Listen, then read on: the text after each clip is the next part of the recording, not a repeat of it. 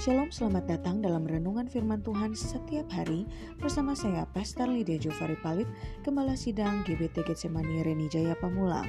Seperti layaknya tubuh jasmani memerlukan makanan jasmani setiap hari sebagai nutrisi pertumbuhan bagi tubuh jasmani, sehingga tubuh jasmani kita menjadi sehat, demikian pula halnya tubuh rohani.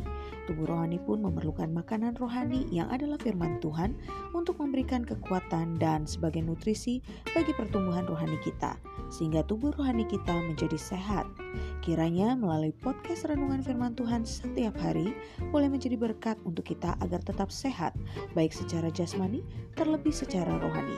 Menjadikan Yesus sebagai yang terutama dan Alkitab sebagai pegangan hidup kita. Tuhan Yesus memberkati.